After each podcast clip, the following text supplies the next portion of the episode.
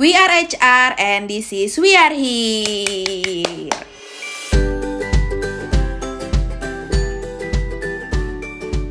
Tapi kok sepi ya? Aku kayak sendirian banget deh hari ini. Iqbal, halo Iqbal. Iqbal. Eh, sorry sorry sorry. Baru menegak air minum nih kak. Ih, kamu kayak podcast apa tuh yang makan-makan tuh namanya? Apa tuh? ASMR. Nah, ya ih kita mah bukan podcast ASMR kali. Iya, nanti ya selanjutnya kita ASMR ya. Iya, boleh, boleh, boleh, boleh. boleh. BTW teman-teman selamat pagi dan welcome to We Are Here. Oke, halo lagi buat kalian-kalian yang masih setia di podcast We Are Here. Terus buat yang baru pertama kali denger, selamat datang juga. Kita kenalan dulu kali ya sebagai podcaster pendatang baru. Nama aku Riri dari tim employer branding Paragon dan temen aku Dan aku Iqbal dari tim Employer Branding Paragon juga. Nah kak, BTW aku seneng banget nih kak. Akhirnya kita udah sampai di episode keempat loh podcastnya. Padahal kita baru episode keempat ya, belum ngalahin sinetron Cinta Fitri yang udah 7 season gitu kan.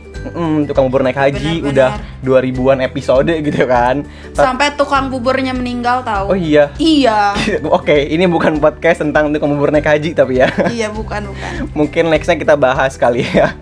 Oke, nah kita juga mau ngucapin makasih banyak nih buat temen-temen yang udah dengerin dari episode ke-0 sampai ke-3 kemarin. Dan jangan lupa buat dengerin terus podcast We Are Here ini gitu karena tujuan kita di sini gak lain dan gak bukan adalah supaya didengarkan oleh kalian gitu. Tapi tapi aku bener-bener nggak terima banget. Jadi di episode ketiga kemarin kenapa tuh? aku dibilangin kalau badan aku tuh sedikit nggak sedikit sih sangat sangat melar gitu ya ya maaf maaf aja nih sekarang udah turun 16 kilo udah Eh, eh. kembali lagi seperti semula ya Wow. jadi kalau misalnya kita sepedahan nih di kampung baru Iya. mau bonceng-boncengan udah nggak bakalan dikatain lagi sama pas satpam ya mohon diingat-ingat ya Udah bisa reptil ya kalau di Bandung, rempetilu gitu. Iya benar udah bisa reptil pokoknya mah. Lanjut ah, jadi eh di podcast ini kita mau bilang makasih banget nih buat teman-teman yang udah setia dengerin. Nah, yang belum dengerin boleh banget ikutin dari awal podcast We Are Here ini. Semoga bisa menambah pengetahuan kalian tentang Paragon ya. Dan ngomong-ngomong nih, Gak bosen-bosen aku ngingatin teman-teman di rumah di masa pandemik gini. Wajib banget banget banget teman-teman menjaga kesehatan dan menerapkan protokol kesehatan. Tetap di rumah aja dan kalau kepepet banget harus keluar, please banget tetap pakai masker gitu, Bang. Bener, setuju banget Kak Riri. Yuk semangat teman-teman yuk. Bentar lagi kok ini bakalan beres bentar lagi pandemiknya gitu ya. Pokoknya tetap patuhi protokolnya, kita sama-sama saling jaga gitu. Dan aku pun kalau keluar rumah gitu ya, sesimpel ke dapur gitu karena emang aku ngekos kan. Atau misalkan beli makan atau ke minimarket gitu kan buat ke, eh, buat beli keperluan kos, aku tetap pakai masker loh. Meskipun pas awal-awal dulu pas sering banget pakai masker tiap hari tuh aku ngerasa beruntusan banget di muka gitu Kariri. Ngerasain gak sih Kariri pas awal-awal pandemi gitu kan tiap hari pakai masker gitu kan? Kalau aku tuh jerawatan gede-gede tahu bal, bukan beruntusan doang. Mm-mm, Oh iya. parah banget. Oh. Kalau aku sih untungnya beruntusan aja gitu, tapi untungnya nih ya aku pakai Wardah Ecnoderm series sih dan habis itu langsung hilang tuh beruntusannya. Oh, kamu pakai itu? Pakai itu bener? Iya, aku pakai itu. Ih parah. Iyalah. Aku juga pakai tahu kan aku juga nih jerawatan benar-benar Mm-mm. jerawatan dari SMP yang nggak sembuh-sembuh. Terus kemarin waktu corona itu pakai masker. Nah muncullah itu jerawat-jerawat yang gede, gede-gede gitu. Eh pakai ini aja rangkaiannya Ecnoderm yang ditotolin gitu di jerawatnya terus beneran kempes. Terus sekarang Mm-mm. eh udah pakai itu kan kurang lebih berapa lama ya? Tiga bulanan lah. Eh tiba-tiba kempes sendiri terus sekarang alhamdulillah udah sembuh. Akhirnya bisa ganti deh ke rangkaian lainnya. Udah pakai white secret nih aku. Lumayan tahu hasilnya. Bener-bener buat Wow. iya bener-bener alhamdulillah ya selain selain lebih langsing juga sekarang bisa lebih cerah pakai white secret Keren keren. Alhamdulillah. Alhamdulillah. Tapi bisa-bisanya banget ya kita promosi di tengah-tengah podcast. Tapi ngomong-ngomong nih ya tentang apa tuh namanya rangkaian perawatan. kamu kan laki-laki, Mm-mm. tapi pakai skincare juga kan? Iya, pakai dong. Salut lah sama laki-laki, karena kan kita udah denger banget nih stereotype bahwa laki-laki itu gak boleh ngerawat diri. Ini menurut aku, jadi ini tuh udah jadi mindset kemarin sore gitu. Makin ke sini, makin ke sini, tapi lama-lama laki-laki tuh lebih mengerti style, makin ngerawat diri, biar jadi kaum good looking, ya bener gak sih? Bener banget tau kak. Karena kayaknya kaum good looking tuh punya privilege tersendiri gitu ya. Yalah ganteng. Iya, nah tapi terlepas dari itu gitu, aku emang ngerawat diri sih sebenarnya ya, karena eh, menurut aku ngerawat diri tuh nggak melulu identik dengan cewek gitu. Terus menurut aku setiap orang gitu ya mau cewek mau cowok merawat diri tuh wajib banget sih menurut aku gitu ya, nggak terbatas tuh gendernya apa pun gitu. Karena menurut aku juga merawat diri itu adalah salah satu cerminan kita gimana kita mencintai diri sendiri alias self love dan sebagai bentuk bersyukur atas apa yang Tuhan berikan. Menurut aku kayak gitu sih, makanya kita perlu banget nih merawat diri. Nah, bener bener bener bener bener bener bener banget tahu. Aku tuh setuju banget nih sama pendapat kamu. Tapi yang buat aku penasaran nih, kamu kan cowok, Mm-mm. tapi kamu kerja di Paragon, di mana Paragon itu kan FMCG company gitu ya. Nah, ngapain sih kamu dulu eh, kerja di FMCG company di bidang beauty ini? Nah, ini kayak di interview lagi gitu ya, interview sama Pak Salman dan sekeluarga gitu. Ayo loh. Oke, nah jadi sebenarnya dulu itu pas awal-awal kuliah karena kan aku emang jurusannya di kimia gitu kan. Nah dulu tuh aku tertarik banget gitu, kayaknya kerja nih kalau misalkan eh, kerjanya tuh di lab kosmetik gitu kan. Terus dulu tuh aku udah punya gambaran karena aku orangnya visioner banget, asik. Nah terus kayak ya udah kayak oh make up di masa depan tuh kayaknya akan gini gini gini deh. So iya banget gitu ya, padahal masih mahasiswa gitu, ngerti apaan soal formulasi gitu. Terus ya udah gitu kan. Terus kalau menurut aku eh, make up tuh adalah suatu produk yang kelihatan banget hasilnya gitu kalau orang-orang pakai gitu ya. Dan aku tuh seneng banget kalau misalkan ada orang-orang yang seneng dengan produk atau karya yang kita bikin gitu. Karena mereka kan happy juga gitu kan kelihatannya. Nah, karena orang-orang pakai make up gitu kan, pakai kosmetik atau pakai personal care itu kan tujuannya biar makin pede gitu. Iya nggak sih Kari? Betul, betul, betul, betul. Cewek-cewek lebih pede kan. Nah, aku tuh seneng banget kalau orang-orang lebih happy, lebih pede ketika menggunakan produk-produk yang aku bikin. Kayak gitu sih.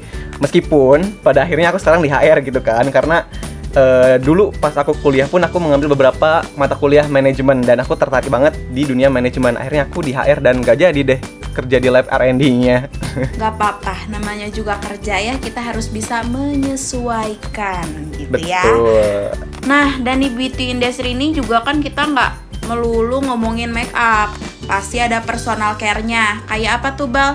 Shampoo, Mm-mm. terus facial wash, Deodoran. deodoran, terus bird serum, ya nggak sih? Iya benar, ada juga. Banyak banget. Nah, terus menurut aku di zaman kayak gini tuh pasti hampir semua orang kan butuh yang namanya personal care. Mm-mm. Kalau bahasanya mah kan merawat diri itu nggak mengenal gender. Betul. Siapa orang yang nggak kenal personal care? Berarti orang itu sehari-hari nggak mandi, bener nggak sih? Iya bener lah. Iya kan? Dia nggak mandi berarti. Mm-mm. Nah, tapi sekarang kan Iqbal posisinya di HR. Artinya ketika kamu ada di HR, kamu tuh memanage orang-orang yang ada di dalam. Benar. Tapi gimana ya rasanya jadi tim R&D yang harus bikin make up dan personal care terus juga harus ngenalin nih maunya laki perempuan tuh kayak gimana. Mm-mm, bener-bener. Terus ada juga nih tim sales yang ngejual barang tapi yang dijualnya itu make up sama personal care. Bener sih. Bingung ya kalau aku jadi R&D atau jadi tim sales kak kayaknya. Iya. Nah, guys, gini ya, kalau pengalaman gue gitu ya, kalau ditanya ngapain kerja di R&D bidang industri ya, apalagi eh, di apa industrinya kosmetik itu karena as simple as gue itu senang riset gitu. Jadi menciptakan hal-hal baru itu itu seperti memunculkan kepuasan tersendiri nih buat gue. Nah, mau itu industri kosmetik maupun industri apa pun, nah kayaknya itu tuh memang eh, apa ya kesenangan gue gitu untuk berinovasi dan beride. Nah, tapi yang justru eh, gue rasain saat ini adalah masih banyak banget nih orang-orang yang narrow minded justru gitu berpikiran sempit bahwa si kosmetik itu adalah make up gitu. Yang di mana ketika ada cowok gitu ya kerja di industri kosmetik itu menjadi sesuatu yang dianggapnya tuh nggak biasa gitu.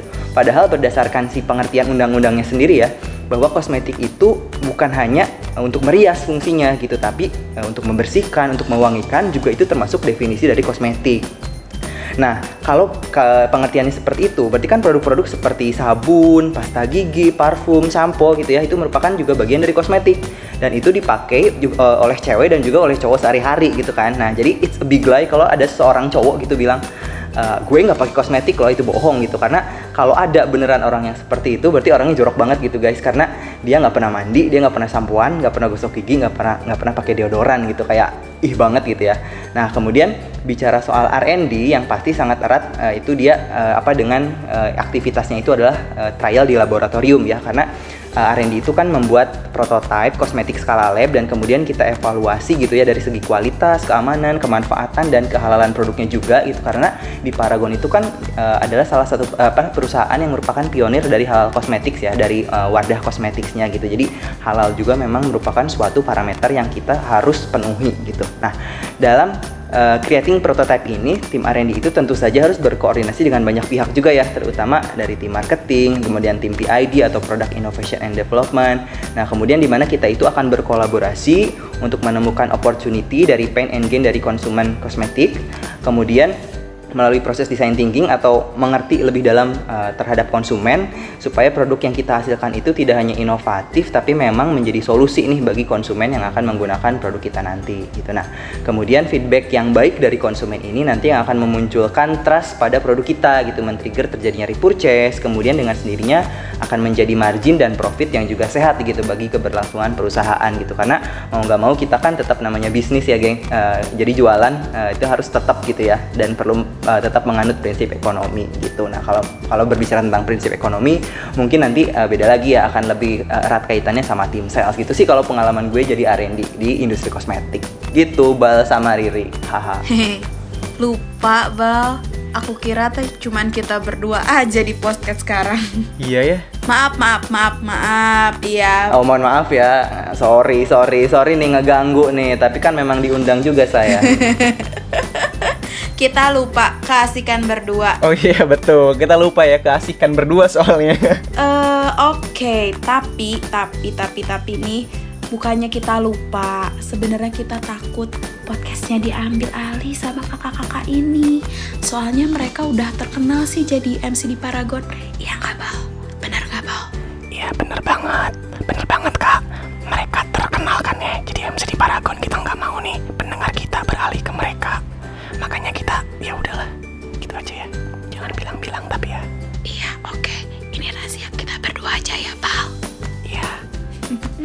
Oke, Mas. Halo. Boleh dong kenalan dulu. Ada siapa aja ini di sini? Halo, salam kenal ya. Eh, nama gue Bayu Ahmad. Saat ini Inca juga sebagai R&D eh, Color Cosmetic Manager di PT Paragon Technology and Innovation. Salam kenal semuanya. Halo, Kak Bayu. Halo Riri, Iqbal, salam kenal juga nih. Ya. Oke, aku Iya. Rashid. eh, sekarang handle lokal modern trade di Direktorat Komersial Paragon. Kalau mau kenal lebih lanjut, boleh banget loh follow IG aku di @rashidhalimi. Aduh, langsung tambah 10.000 followernya. Kesel. Langsung ya. Halo Mas Rashid. iya, halo halo. Bayu. Kita ketemu lagi. Kita sering banget ya punya acara bareng ya Mas ya. Waduh, tuh kan Kak. Nah, nanti episode episode 5 kita po- eh, podcastnya bareng kita ya. Aduh, sudah cukup, Mas. Kita cuman punya panggung ini aja, Mas. Jangan diambil juga, Mas. Mungkin udah aja kali ya podcast kali ini. Makasih banyak loh eh, Kak Bayu, Atau Mas kita ambil alih Rashid. aja ya. Ya, terima kasih dadah. Waduh. ya udah saya pegang mic aja nanti. Kita ambil alih aja. Kita jadi nanya nanya Riri sama Iqbal kita yang hostnya. gimana gimana gimana? Oke. Oke nih, anak komersil tuh emang jiwa jualannya tuh udah mendarah daging gitu ya. Sampai lagi podcast pun tetap jualan akun IG sendiri loh. Luar biasa emang ya Mas Rashid ini. Iya dong. Jualan di mana pun. Kalau mau follow aku di Bayu Ahmad For ya teman-teman. Oke, tetap ya ada juga at Bayu Ahmad underscore ya. Enggak salah Bayu Ahmad For. Oh salah. Oke, oke kenalannya udah cukup aja ya, biar penggemar kita nggak berpindah ke lain hati. Cukup di kita aja pokoknya.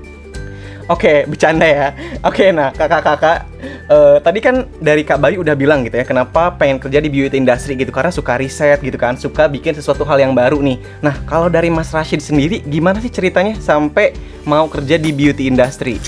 Nah, eh, pertanyaannya ini sebenarnya juga sering ya ditanyain ke aku ya. Jadi eh, kalau ngejawab pertanyaannya Iqbal ini, sebenarnya aku tuh dulu termasuk yang agak-agak narrow minded gitu ya soal kosmetik kayak yang dibilang Bayu tadi gitu. Eh, soalnya dulu kalau eh, flashback pas eh, apply ke Paragon, aku tuh juga dulu sempet malu-malu jujur nih, sempat malu pas mau apply. Apalagi kan dulu produknya masih Wardah dan Putri gitu ya. Kalau dengar kata Wardah, Putri kan eh, pasti kayak mindsetnya oh ini produk cewek banget gitu. Mm-mm.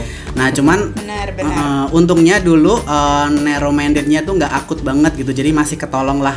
Karena aku juga masih kepikiran nih kalau uh, yang namanya perusahaan apalagi kan uh, Paragon ini kan dari hulu ke hilir gitu ya pasti adalah posisi buat cowok pasti butuh karyawan buat cowok gitu. Dan waktu itu aku memang ngincernya itu uh, industri FMCG gitu. Jadi uh, Paragon ini masuk lah nah kebetulan ternyata alhamdulillah diterima pas udah masuk sebenarnya kebetulan divisi aku tuh banyak cowoknya gitu Oh.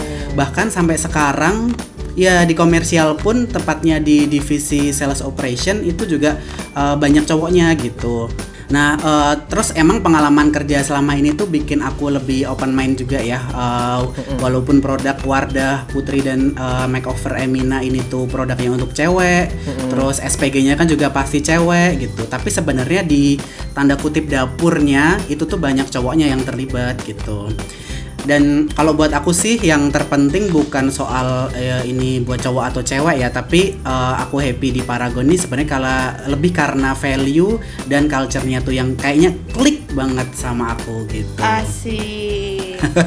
Ya. Nah, terus eh, kalau di ya kalau di spesifik komersial nih sebenarnya kalau kerjaannya ya selain analisis data, bikin dan juga eksekusi strategi, eh, tapi yang nggak kalah penting itu juga kita harus menjalin relasi sama customer. Eh, kalau customernya itu kita biasanya pemilik toko-toko retail. Nah, kebetulan di sini aku tuh handle eh, chain eh, lokal modern market gitu, seperti kayak supermarket atau minimarket lokal. Tapi sebenarnya kalau eh, di luar yang aku handle tuh masih banyak juga channel-channel yang lain kayak toko kosmetik, department store, e-commerce dan lain-lain. Nah, terus tim komersial ini juga sebenarnya kan yang berada di ujung tombak karena perannya lebih ke gimana sih biar toko-toko mau beli produk kita terus dijual ke shoppernya gitu. Terus gimana biar shopper juga mau beli produk kita yang udah ada di toko. Jadi tim komersial ini juga eh, butuh kolaborasi dengan banyak pihak seperti tim distribusi atau parama, kemudian tim marketing, finance dan lain-lain. Seru nggak tuh Kak Iqbal dan Riri? Ih, seru banget. Ternyata jadi tim sales operation tuh seru banget ya kali ini ya. Kayak elegan loh tim sales tuh. Iya iya iya benar benar benar. Iya kan, nggak cuma jualan doang, tapi harus analisis data, bikin strategi dan lain-lain dan Iya. ini pasti butuh skill banget sih, gitu ya. Dan dan gak ada kuliahnya. iya benar gak ada kuliahnya, betul. Dan alhamdulillahnya lagi ya Mas Rashid ya, dapat jodoh dan sekarang udah punya dua anak ya Mas Rashid kalau nggak salah. Aduh, dibahas lagi itu. iya, semoga ini bisa menjadi, Iya bener. semoga bisa menginspirasi cowok-cowok yang awalnya itu masih belum yakin nih buat ke Paragon, tapi setelah mendengarkan inspirasi dari Mas Rashid ini makin yakin gitu ya, biar dapat jodoh juga kayak Mas Rashid gitu. ya bener banget nih. Semoga eh, cerita aku eh, menginspirasi para pendengar supaya cepet-cepet join ke Paragon ya. Mungkin itu alasannya join ke Paragon kali ya Mas Rashid ya. Baik, jangan buah kartu gitu dong.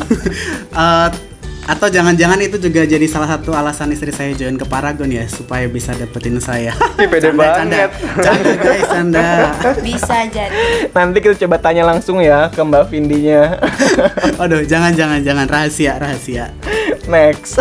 Lanjut ya. Nah, ngomongin kerjaan kan pastinya nih kita nggak jauh-jauh dari challenge yang akan selalu kita hadepin. Kalau misalnya dari Kak Bayu sama Mas Rashid, tantangannya menjadi R&D dan komersial di beauty industry itu apa sih? Oke, Kak Bayu dulu deh, boleh Kak Bayu, Kak Bayu. Ah, ah. Aku dulu ya. Oke. nah. Kalau berbicara soal challenge ya eh, untuk menjadi seorang R&D di industri kosmetik buat aku itu kalau bisa aku summarize ada tiga poin utama gitu. Yang pertama di industri kosmetik itu teman-teman sangat banget dinamis gitu. Apa yang tren hari ini itu belum tentu loh jadi tren besok gitu ya. Begitu pula sebaliknya apa yang biasa-biasa aja di hari ini bis- bisa banget jadi ngetren eh, untuk besok gitu. Jadi development de- developmentnya pun harus sangat dinamis dan agile gitu. Nggak bisa tuh kayak yang eh, slow motion gitu nggak bisa kalau development kosmetik eh, di apa di di industri kosmetik. Nah, jadi speed dalam suatu dalam development suatu kosmetik itu memang menjadi suatu strategi utama nih yang uh, untuk kita bisa ber- bertahan di industri ini gitu. Harus gercep lah ya istilahnya. Karena kalau enggak kita bakal ketinggalan tren banget gitu di- dibandingkan sama kompetitor-kompetitor yang lain gitu. Tren kosmetik itu sangat dinamis dan sangat cepat berubah gitu. Nah, kadang uh, Ri kita juga suka dituntut untuk jadi cenayang nih dalam ngelihat tren beberapa tahun ke depan. Kira-kira dua tahun lagi apa yang bakal hype ya tiga tahun lagi empat tahun lagi karena eh, karena kita harus sudah mulai menyiapkan dari sekarang gitu kalau enggak kita eh, akan terlambat gitu dibandingkan sama eh, kompetitor-kompetitor lain gitu. Nah Hmm, iya iya iya. itu tuh sulit gitu ya karena kenapa karena apa? Karena ketidakpastiannya sangat tinggi ya gitu. Karena eh, kita nggak tahu nih eh, bakal belok-belok ke mananya tuh kita nggak tahu. Nah tapi sebetulnya kalau buat aku itu seru seru seru apa? Seru banget gitu. Kenapa? Karena orang-orang seperti aku tuh yang suka banget berinovasi suka challenge yang tidak monoton gitu. Jadi dengan kedinamisan itu justru challenge yang buat aku itu menarik untuk dijalankan gitu sih nah kemudian aku juga eh, orang yang menganut eh, pemikiran bahwa kita itu tidak akan sukses sukses kalau misalnya ada di zona nyaman terus gitu. Jadi dengan adanya challenge yang dinamis ini justru itu memacu kita untuk bisa berbuat lebih baik lagi gitu. Nah, kemudian yang kedua di eh, Paragon itu kan eh, perusahaan lokal ya. Nah, perusahaan lokal yang sekarang itu sudah menjadi market share nomor satu di Indonesia dan sehingga saingannya itu sudah harus dengan multinational company. Nah, itu menjadi challenge tersendiri juga gitu karena eh, membuat R&D itu knowledge developmentnya harus setara dengan mereka harus bersaing dengan eh, SDM SDM global gitu. Sehingga ki- tidak heran ya kalau misalnya ngelihat teman-teman R&D Paragon itu banyak yang di training atau berangkat ke exhibition-exhibition ke luar negeri gitu untuk ikut exhibition, kemudian ikut eh, ketemu sama training sama supplier, sama principal, kemudian ketemu sama konsultan, sama expert-expert gitu untuk problem solving, untuk konsultasi, tidak lain dan tidak bukan memang untuk mengimbangi eh, sumber daya sumber daya global supaya kita pun open minded, kita pun punya knowledge yang sama dengan expertise-expertise yang ada di seluruh dunia gitu sih. Jadi insight-insightnya itu teknologi-teknologinya itu terpaparnya itu memang dari global tidak hanya lokal gitu. Karena kita eh, targetnya itu bersaing dengan multinational company itu kemudian yang ketiga nih sebagai challenge-nya adalah karena sebagai cowok yang kerja di industri kosmetik itu kadang suka takut ada judgement gitu ya dari orang lain ya itu manusiawi lah gitu. Karena di Indonesia ini kan eh, masih budaya ketimuran yang memang masih ada lah gitu ya eh, antara apa sih yang harus dilakukan cowok apa yang harus dilakukan cewek gitu ya. Nah tapi semakin ke sini justru aku tuh semakin menyadari bahwa itu tuh nggak relevan gitu. Kenapa karena uh, aku kan tadi menyampaikan ya pengertian kosmetik itu ternyata nggak sesempit itu ya. Pengertian kosmetik itu uh, cukup luas gitu ya. Dan kosmetik itu bisa aku bilang dia itu genderless gitu. Nah setelah tahu tentang pengertian kosmetik itu aku mulai bisa berpikir lebih dewasa bahwa pekerjaan R&D di PT Paragon ini meskipun aku cowok gitu yang kerja di uh, industri kosmetik tapi ini ini tuh pekerjaan yang halal loh gitu ya. Dan aku nggak mau kehilangan kesempatan untuk mendapatkan pekerjaan ini gara-gara aku punya pikiran yang old school bahwa bah, eh, kosmetik itu identik dengan cewek gitu. Padahal sebetulnya pengertian kosmetik itu sangat luas personal care juga kosmetik gitu ya. Sehingga ya, itu tuh udah genderless gitu cewek ataupun cowok tuh bisa gitu untuk eh, memakai kosmetik gitu. Karena sabun tadi ya parfum shampoo itu juga eh, sudah termasuk ke dalam kategori kosmetik ditambah sekarang eh, Paragon kan udah melaunching produk terbarunya ya yang main series ya eh, ada Cuff gitu ya Kaf, iya. Nah ini merupakan skincare dan personal care yang memang khusus ditujukan untuk pria gitu ya. Nah ini semakin meyakinkan aku bahwa eh, teman-teman di luar sana tuh nggak usah khawatir dengan eh, cowok yang kerja di industri kosmetik. Itu sudah menjadi sesuatu yang biasa aja sekarang gitu karena eh, berpikirnya sudah udah jangan old school lah bahwa eh, kosmetik itu wanita enggak gitu karena memang secara pengertian pun kosmetik sangat luas dan bisa dipakai genderless gitu sih. Iya. Gimana Mas Rashid? Kalau Mas Rashid sendiri gimana nih? Ah, tentunya challenge-nya juga ada dong ya. Eh, kalau di Bayu tadi mungkin challenge-nya banyak di trend development gitu ya. Di komersial ini pun juga mengalami kedinamisan gitu. Jadi mungkin dinamis kedinamisannya ini eh, lebih ke arah marketnya gitu ya. Jadi market beauty industry ini tuh eh, nggak kalah dinamis gitu. Bisa aja misalnya hari ini yang laku itu produk lipstick moist gitu, tapi ternyata berapa bulan lagi tuh bisa berubah banget tuh, bisa jadi ganti ke lipstick matte. Heeh. Uh, jadi misalnya ada sekarang ada channel X gitu ya yang menjadi primadona, uh, trafficnya tinggi, tapi bisa aja itu beberapa bulan kemudian justru malah channel Y yang menjadi rising star dan channel X-nya tadi kayak trafficnya menurun Oh gitu. Mm. gitu. Jadi emang gila banget sih kedinamisan market beauty ini. Nah itu tuh jadi challenge yang lumayan nih. Soalnya kan kita uh, harus selalu ngupdate ya strategi kita biar selalu relevan dengan kondisi marketnya. Nah bahkan uh, Paragon nih kayak sering dituntut nih agar bisa selangkah lebih maju gitu daripada market atau dari kompetitornya. Ini kan Paragon uh, atau brand-brand Paragon ini kan sekarang jadi market leader ya. Jadi tantangannya itu bukan hanya gimana bisa beradaptasi dengan market, tapi justru kita yang harus bisa menciptakan market itu sendiri.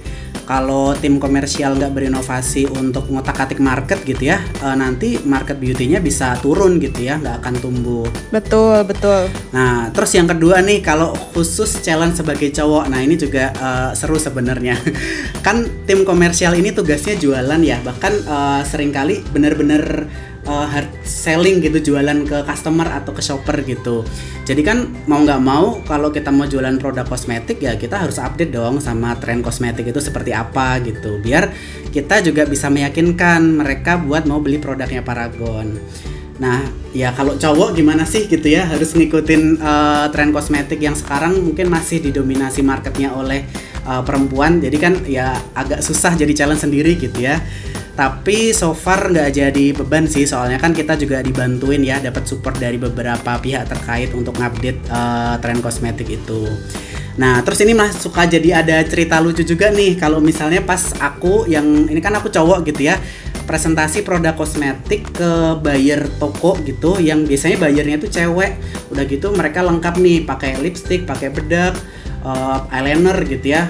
Eh, sedangkan aku yang presentasikan polosan gitu ya paling sabun muka doang gitu ya nggak pakai dekoratif macam-macam nah tapi tuh kayak eh, mungkin kalau orang lihat tuh kayak itu sotoy banget sih. Oh cowok eh, mukanya polosan jelasin kosmetik ke cewek gitu kan. Jadi itu kayak suka jadi cerita lucu aja sih. Karena eh, malah si ceweknya itu tuh manggut-manggut eh, gitu. Kalau misalnya pas aku present jadi eh, wah ternyata walaupun aku nggak pakai dekoratif aku tuh bisa meyakinkan ke si buyer itu tren lipstick tuh lah, sedang- eh, lah sekarang lagi apa sih? Kemudian bedak tuh kondisinya lagi kayak gimana sih gitu. Jadi itu suka kayak jadi cerita lucu aja sih buat eh, kita di komersial gitu.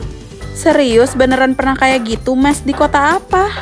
Sering itu banyak Sering. kan biasanya kayak kalau misalnya tiap awal tahun kan suka presentasi plan eh, di tahun itu mau ngapain aja gitu kan nah kita tuh harus cerita juga kan Iya iya iya. tren kosmetik itu nanti di tahun itu mau kayak gimana biar nanti eh, jualan kita tuh diambil sama mereka nah Heeh. itu tuh yang jadi suka kayak lucu ini nggak salah nih aku yang present ke eh, pengguna kosmetik sebenarnya gitu Lebih tahu dari MUA kayaknya Mas Rashid nih. nggak juga sih kalau sama MW Sampai shade-nya juga hafal kayaknya Mas Rashid mah. aduh Eh, tahu nggak? Jadi dulu aku dua tahun yang lalu nih kan pernah induction. Nah, waktu itu yang datangnya itu Kak Bayu. Kak Bayu juga punya. Ah masa sih? Iya, Kak Bayu pernah tahu cerita lucu gitu sama kita-kita waktu induction. Yang zaman dulu Kak Bayu pakai lipstick tapi harus pulang dulu ke mes. Gimana itu ceritanya? Ceritain lagi dong Kak Bayu, ceritain lagi. Ya, Oke, jadi itu uh, pengalaman pertama kali masuk kerja kan karena tadi aku bilang aku di industri kos eh, apa di Paragon itu di bagian color cosmetics ya. Jadi kan memang sediaan-sediaannya uh, sebagian besar make up gitu ya. Meskipun ada memang subdivisi yang mengerjakan skincare juga gitu ya. Nah, kalau di aku memang eh, aku sebagai waktu itu formulator memang harus mencoba tuh si lipstiknya kenapa? Karena aku nggak akan tahu si lipstik itu bagus apa enggak kalau aku nggak mencoba kan gitu. Nah, oleh karena itu tapi aku malu kan sebagai cowok mau mencoba itu di kantor tuh nggak mungkin. Makanya dulu aku bilang ke superior aku ke dokter Sari waktu itu dokter Sari em, aku mau sih pakai gitu tapi aku harus bawa dulu ke mes karena aku nggak mau pakai di kantor. kayak gitu. Jadi dulu sempet kayak gitu juga gitu. Karena aku mau apa ya aku mau profesional gitu ya sebagai uh, formulator di R&D mau profesional dengan mencobanya tapi aku pun masih punya malu gitu ya untuk tidak mencobanya di depan umum gitu. Nah tapi waktu itu mencari jalan tengah aku tetap mau pakai tapi ya nggak apa-apa aku bawa dulu gitu supaya nggak ada orang yang lihat. Nah tapi memang balik lagi ke niatnya kan niatnya bukan untuk pulang terus mangkal kan pakai lipstiknya gitu kan. Jadi memang untuk profesional kerja dan aku dapat uang dari situ dan halal ya udah gitu. Maksudnya itu se- sebatas pekerjaan aja. Jadi jangan yang takut gitu untuk cowok kerja di industri kosmetik gitu. Tapi kan jataknya tuh panas ya kak. Itu kakak siang-siang bolak-balik dari lab Terus ke mes yang jauh banget kan Itu kan dari mes. Ya kan namanya juga perjuangan. Tapi akhirnya gimana? Sekarang kan udah lama nih. Sekarang akhirnya eh, aku tadi ya lebih eh, lebih open minded bahwa ya ini namanya pekerjaan gitu. Dan teman-teman aku juga yang cowok-cowok di R&D eh, akhirnya memberanikan diri untuk pakai di kantor dan itu memang kita berpikirnya kalau dulu kan suka, suka diketawain ya suka diketawain kok kok kayak gitu kok kayak gitu Ah, ah, ah, tapi sekarang juga orang-orang teman-teman di sini juga udah mengerti gitu bahwa itu pekerjaan yang harus kita lakukan karena diba- kita dibayar untuk mengevaluasi itu. Jadinya eh, sekarang suasana kantornya pun udah bukan yang menjudge bahwa ih kok eh, cowok pakai lipstick enggak enggak kayak gitu Oh, gitu. jadi udah biasa kalau di R&D lihat pakai shadow gitu blush on berarti ya. Udah biasa. Iya, Mm-mm. daripada bolak-balik capek, Bal. Betul, betul. Ya betul karena kita memang sedang mengevaluasi gitu kan. Tapi dulu mungkin dokter Sari juga apa ya? Dokter Sari juga mungkin dulu mengerti ya bahwa eh, kaget kali ya si Bayu ini gitu begitu masuk harus harus menggunakan kosmetik makanya dulu diiyahin gitu ketika aku bilang aku harus pulang ke mes dibolehin. Tapi akhirnya eh, dokter Sari mungkin udah mikir oh nanti juga dia mungkin capek sendiri. Dan bener kan gue capek sendiri. Akhirnya ya udah gitu. Dulu karena itu aku aku berpikirnya karena dulu aku masih narrow minded bahwa bahwa cowok itu memang ya jangan pakai kosmetik. Tapi begitu tahu kosmetik itu luas dan memang ini pekerjaan yang sebetulnya ya wajar gitu pe- pekerjaan yang masih wajar dilakukan oleh seorang cowok karena memang ini tuntutan pekerjaan jadinya sekarang udah lebih open minded dan eh, menganggap itu suatu hal yang umum aja gitu untuk dilakukan sekarang Padahal kan bisa gitu eh, sembunyi-sembunyi di toilet gitu kak. Ini Kenapa? ya Allah. Sampai jauh-jauh ke mes. capek juga Capek itu ada juga. lead time-nya mah ke toilet berapa ATP kan yang harus aku habiskan untuk bolak-balik ke toilet Iya. Oke, menarik banget ya cerita-cerita ini tuh. Mungkin lain kali kita undang lagi ya kali ya Harry ya untuk mendengarkan cerita-cerita lucu lainnya di balik layar para eh, paragonian ini gitu ya. Oke. Nah, tadi kan R&D itu kan kerjanya di balik layar gitu. Terus komersial kerjanya di depan layar gitu. Tapi punya peran yang sama-sama penting banget buat Paragon gitu kan. Keduanya harus sama-sama jadi cenayang gitu tadi kalau istilahnya Kak Bayu gitu ya buat ngelihat tren saat ini dan yang akan datang juga gitu. Nah, bedanya mungkin kalau R&D itu tadi harus tahu nih produk apa nih yang akan hype di eh, masa mendatang gitu ya. Sedangkan kalau di tim sales harus ngeliat lagi nih channel mana nih yang kira-kira bisa memberikan eh, income paling banyak mungkin kayak gitu kali ya. Nah tapi kan aku dan teman-teman yang dengerin apalagi backgroundnya bukan R&D atau sales gitu ya pasti cukup bingung nih gimana sih cara menyelesaikan masalah-masalah tersebut gitu. Nah mungkin dari Mas eh dari Kak Bayu dulu gitu ya gimana sih caranya menjawab challenge yang tadi gitu. bagus tadi di- diralat ya dari mas jadi kakak karena aku masih kakak-kakak betul Iya.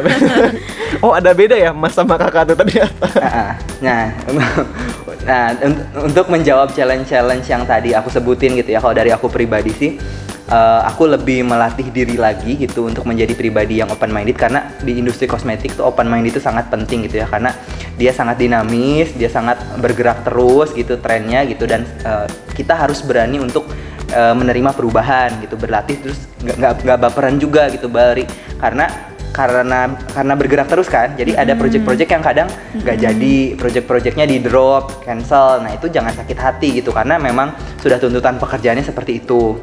Terus juga kita harus terlatih untuk kepo tapi kok keponya in positive ways ya bukan yang kepo-kepo urusan pribadi orang lain gitu ya. Tapi eh, ada tren baru oh eh, kita penasaran gitu ini tuh kayak gimana sih? Dia pakai sistem formula yang seperti apa? Apakah ini bahan bakunya baru? Apakah ini aplikasinya menghasilkan suatu finish look yang baru? Nah kita harus kepo supaya kita tuh terpapar dengan eh, tren-tren yang terkini sekarang tuh seperti apa gitu. Kemudian kita juga harus memperluas networking. Kayaknya ini umum ya. Maksudnya di seluruh bidang pun networking sangat penting gitu. Tapi kalau untuk di kosmetik networking itu penting karena kita itu bisa mendapatkan insight-insight gitu dari supplier dari prinsipal dari konsultan terkait ada raw material baru kemudian ada apa eh, namanya prototipe-prototipe baru gitu. Kemudian kita pun harus bisa menerapkan design thinking gitu. Jadi kita nanya ke konsumen nih eh, dengan adanya peko- produk-produk kosmetik yang sekarang painnya tuh apa sih? Apa sih yang perlu diimprove? Nah itu biasanya kan kita dapat dari konsumen gitu dari MUA gitu ya. Karena mereka yang menggunakan sehari-hari mereka yang merasakan pain and Iya gain-nya iya iya, betul betul betul. Nah, biasanya dari situlah uh, muncul ide, insight-insight untuk melakukan perbaikan atau improvement jus atau justru um, untuk menciptakan new product development ke depannya gitu. Terus terus jangan lupa dibarengi sama hard working gitu karena kalau cuma planning, cuma mimpi nggak dibarengi dengan action, eh, kitanya hard worker gitu ya, kayak kitanya nggak hard worker ya nggak akan terrealisasi juga gitu. Gitu guys. Nah, setuju banget tuh sama yang dibilang sama Bayu gitu ya, harus open mind, harus mau belajar terus gitu ya. Nggak cukup puas dengan kondisi yang sekarang gitu. Kita harus punya growth mindset. Nah, terus tim sales ini juga eh, sering banget diminta untuk visit ke lapangan gitu. Sebenarnya buat apa sih? Jadi kalau misalnya kita cuman di balik meja kan ya udah kita cuman tahu data-data yang tersaji di laptop kita gitu. Tapi kita nggak bisa atau jarang dapat insight dari data-data itu. Jadi harus dilengkapin dengan eh, ke lapangan untuk ngupdate sebenarnya eh, yang terjadi di lapangan di industri kosmetik itu kayak gimana.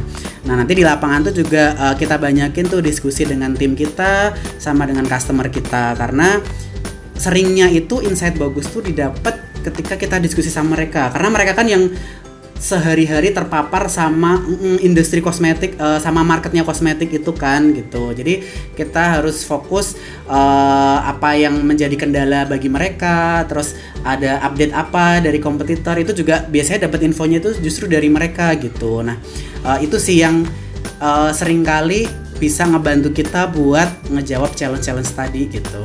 Nah, ini kan kalian cowok-cowok nih yang kerja di beauty industry.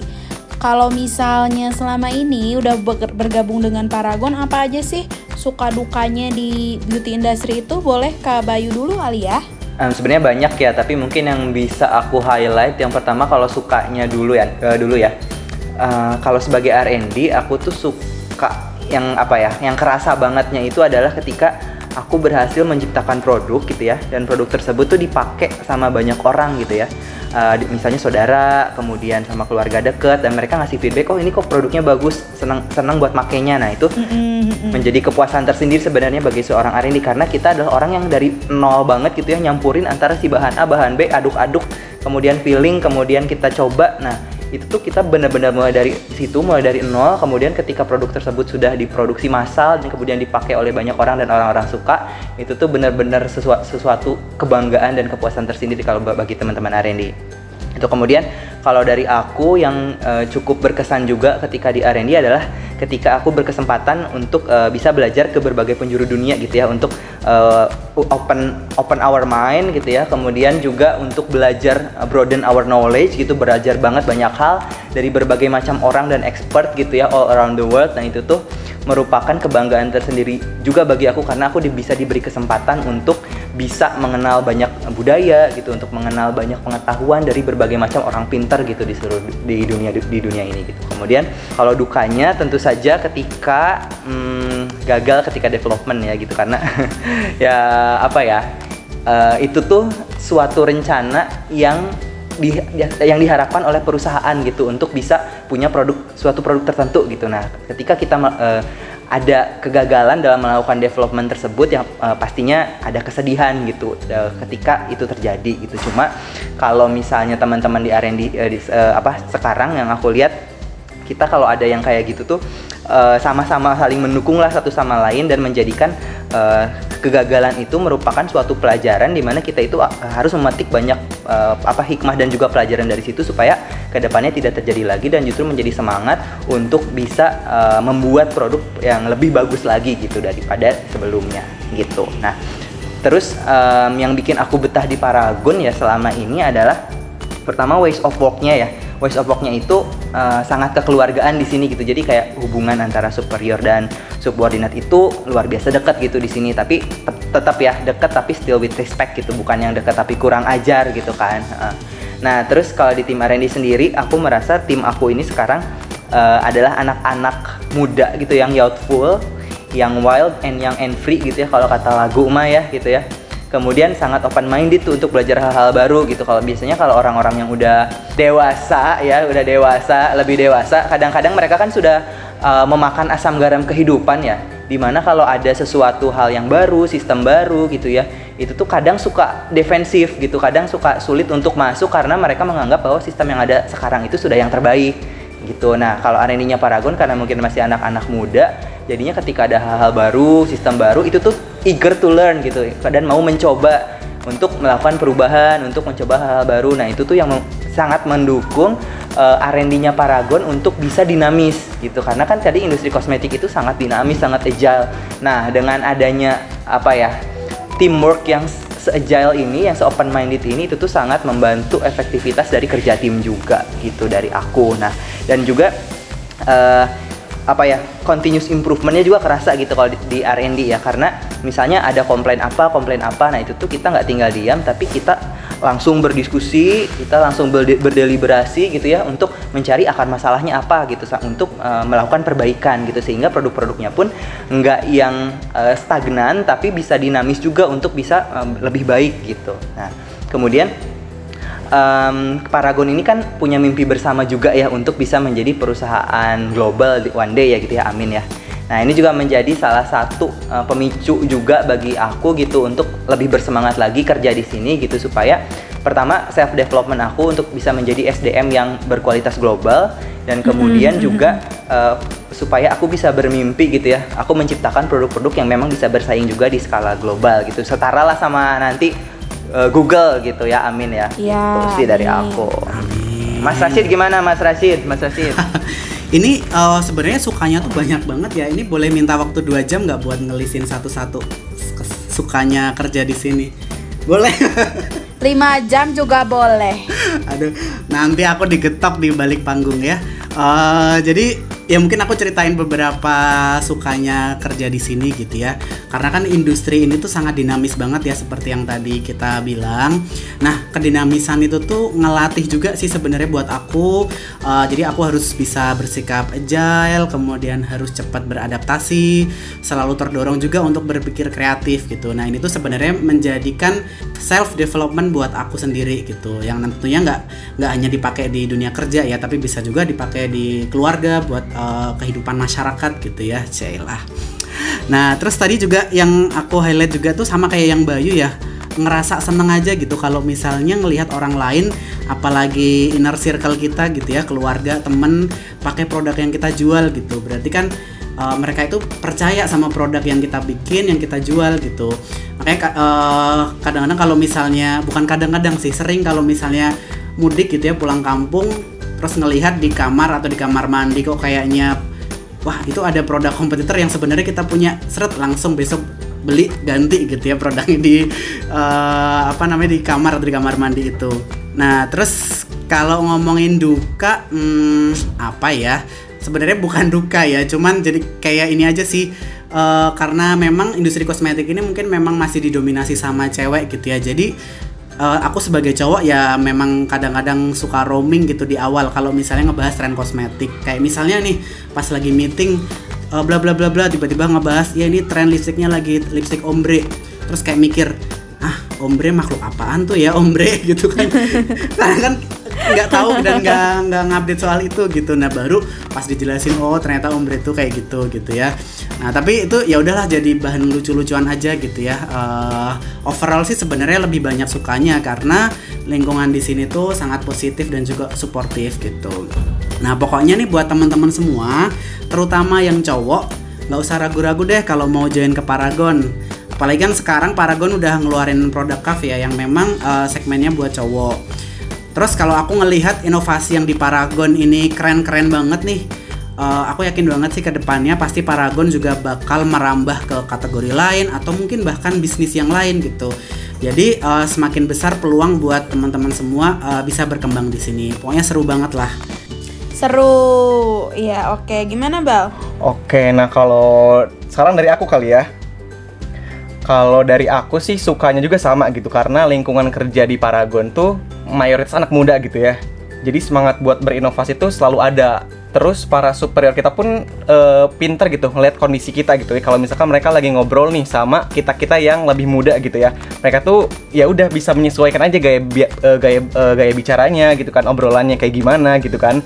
Jadi kita pun lebih leluasa aja nggak sih kalau mau diskusi sama eh, superior kita gitu kan. Bahkan di HR inget nggak sih Kari kalau kita tuh suka banget curhat sama Pak Hasan gitu ya mengenai kehidupan setelah menikah gitu kan.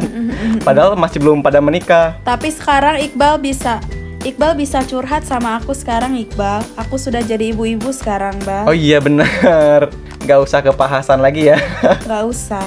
Ke Ibu Riri aja. Oke siap Oke itu sih sukanya ya Kalau dukanya Dukanya apa nih dukanya, Bal? Kalau dari aku dukanya mungkin karena populasi cowok di HR tuh masih dikit ya Tapi alhamdulillahnya solid kita tuh kan Tapi Ah. buat temen-temen yang ragu buat masuk Paragon tuh jangan khawatir gitu ya Tadi seperti yang udah dijelasin sama Kak Bayu sama Mas Rashid gitu kan Bahwa yang bikin formula, tim manufaktur, tim yang mendistribusikan, tim IT, tim komersial Itu tetap butuh cowok-cowok tangguh gitu kok Dan mereka juga yang membantu mensukseskan bisnisnya Paragon hingga saat ini Iya nggak sih Kak Riri? Iya iya iya iya iya iya. Jadi sekarang aku paham lah ya apa yang dirasain cowok-cowok yang ada di Paragon ini.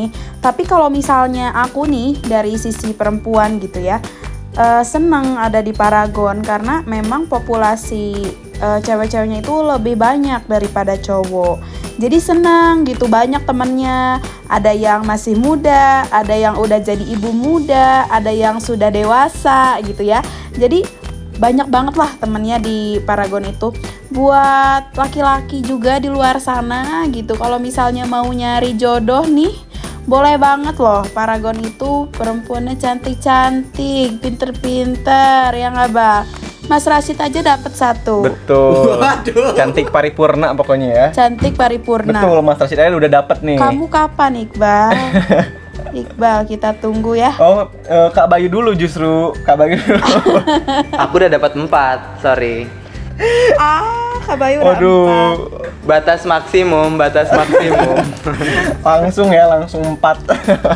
Eh, jangan jangan jangan. Jadi memunculkan ide baru gitu ya. Mungkin nanti di episode selanjutnya kita akan kumpulin nih cewek-cewek yang kerja di beauty industry. Mungkin sekalian nanti kita undang Mbak Vindi kali ya buat klarifikasi bener nggak sih Mbak Vindi yang nyariin Mas Rashid apa sebaliknya sebenarnya? Wah, memicu pertengkaran rumah tangga. Oh jangan.